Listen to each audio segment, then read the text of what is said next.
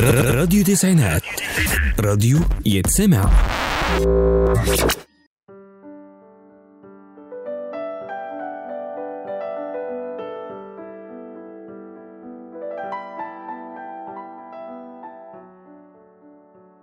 جد وحشني قوي.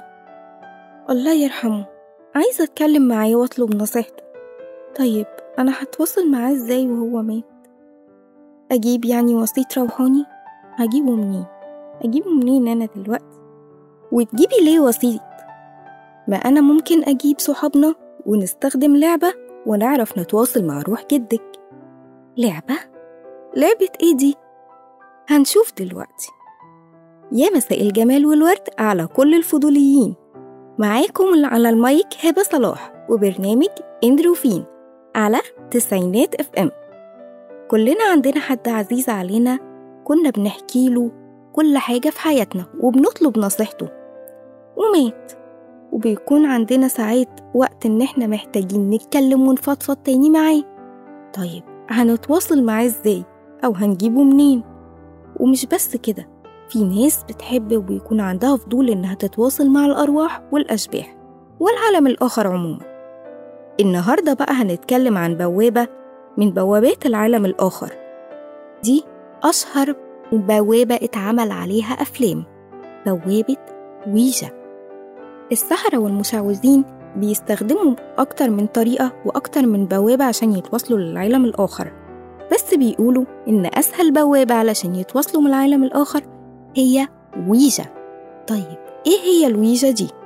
هنقول لكم. قصة الويجا ابتدت إن في عام 1100 اكتشف الصينيين وثائق تاريخية لعيلة اسمها عيلة سونج الوثائق دي بتكشف إيه؟ هي حاجة لعبة شبه الويجا بس ما كانتش لعبة. كانوا بيستخدموها الكهنة علشان يتواصلوا مع الأرواح. الكهنة دي كانت من ديانة اسمها الديانة الطاوية. بيكون الكاهن معاه عصاية. العصاية دي بيحطها على الرملة ويفضل ينادي على الروح معينة لحد ما تحضر الروح دي. العصاية بتتحرك من مكانها. وكل ما تتحرك بتكتب كلام الروح دي عايزة توصله له. الكلام ده بيكون عبارة عن حاجة اسمها كتابة تلقائية اسمها الفوجي. ودي الكتابة المعروفة في الديانة الطاوية. ودي اللي استوحت منها فكرة لعبة الويجا في يوم 1 يوليو 1980 إيليا بوند ده محامي مشهور في أمريكا. هو اللي اخترع لعبة الويجا وسماها كده. الاسم ده مكون من جزئين كلمة oui بالفرنسية يعني okay وال ja يعني بالألمانية الهولندية okay برضو. اللعبة دي بتكون عبارة عن لوح خشب أو لوح مسطح يعني. في كذا كلمة الكلمة yes وكلمة no وكلمة bye وفي الحروف الأبجدية وفي أرقام من صفر لتسعة وقصاد كده من الخشب بيكون من نص مثقوب ده بيتعمل له طقوس معينة وبينادوا على الروح لحد ما تحضر. وأول ما تحضر القصاد بيتحرك عند كلمة yes هما طبعا بيسألوا الروح الأول. لو هي حضرت بيتحرك القصاد على كلمة يس وتقدر تسألها عن أي سؤال أنت عايزه. والروح هتجاوب عن طريق تحريك القصاد ده على الحروف الموجودة على اللوح. الكلمة دي بتكون رد على إجابة سؤالك. اللعبة دي انتشرت جدا في الهند القديمة واليونان والرومان. وفي العصور الوسطى انتشرت في أوروبا وفي مدرسة اسمها تشيوان دي في الصين معمولة مخصوص علشان تمارس الطقوس الخاصة بالويجا. بس الطقوس دي محرمة عند عيلة تانية في الصين اسمها عيلة تشينج في تعليمات بتكون موجودة على اللعبة دي قبل ما تلعبها. لازم لازم تقرأ التعليمات دي كويس قبل ما تلعب. التعليمات دي هي إيه؟ أول حاجة ما تكونش لوحدك. لازم تكون في مجموعة. علشان لو كنت لوحدك ممكن الروح دي تتلبسك أو تأذيك. فأنت لازم تكون مع مجموعة ومش أي مجموعة. لازم تكونوا كلكم مصدقين في اللعبة علشان الروح تحضر.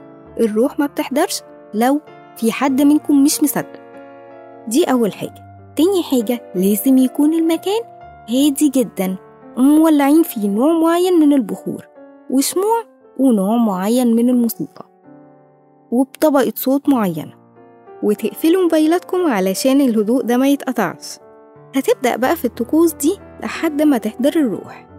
لو حد فيكم زهق أو خاف اوعى تقوم من غير ما تستأذن من الروح. ولازم تودعها إن أنت تحرك القشاط على كلمة باي علشان ما تتأذيش. يفضل إنه يكون أحسن وقت للطقوس دي بعد الساعة 12 بالليل. في ناس مهمة جدا استخدمت الويجا دي أو مش معنى استخدمتها إن هي مصدقة فيها لدرجة إن هي دايما بتلعبها. وكمان اتشهرت في أفلام كتير جدا. من الناس المشهورين اللي استخدموا الويجا أو لعبوا بيها رومانو بروتي ده سياسي إيطالي. وإليس كرير ده مغني روك أصلا سمى فرقته ويجا من كتر ما هو بيحبها. وجيمس ماريال ومن الآخر كده عايزة أقول إن ساعات الفضول ده ممكن يودينا في داهية. لو العالم الآخر ما كانش خطر ما كانش هيفضل مخفي عننا.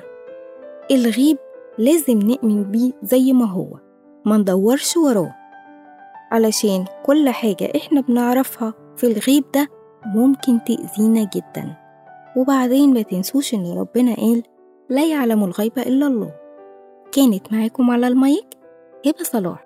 وبرنامج أنتوا فين على تسعينات إف إم.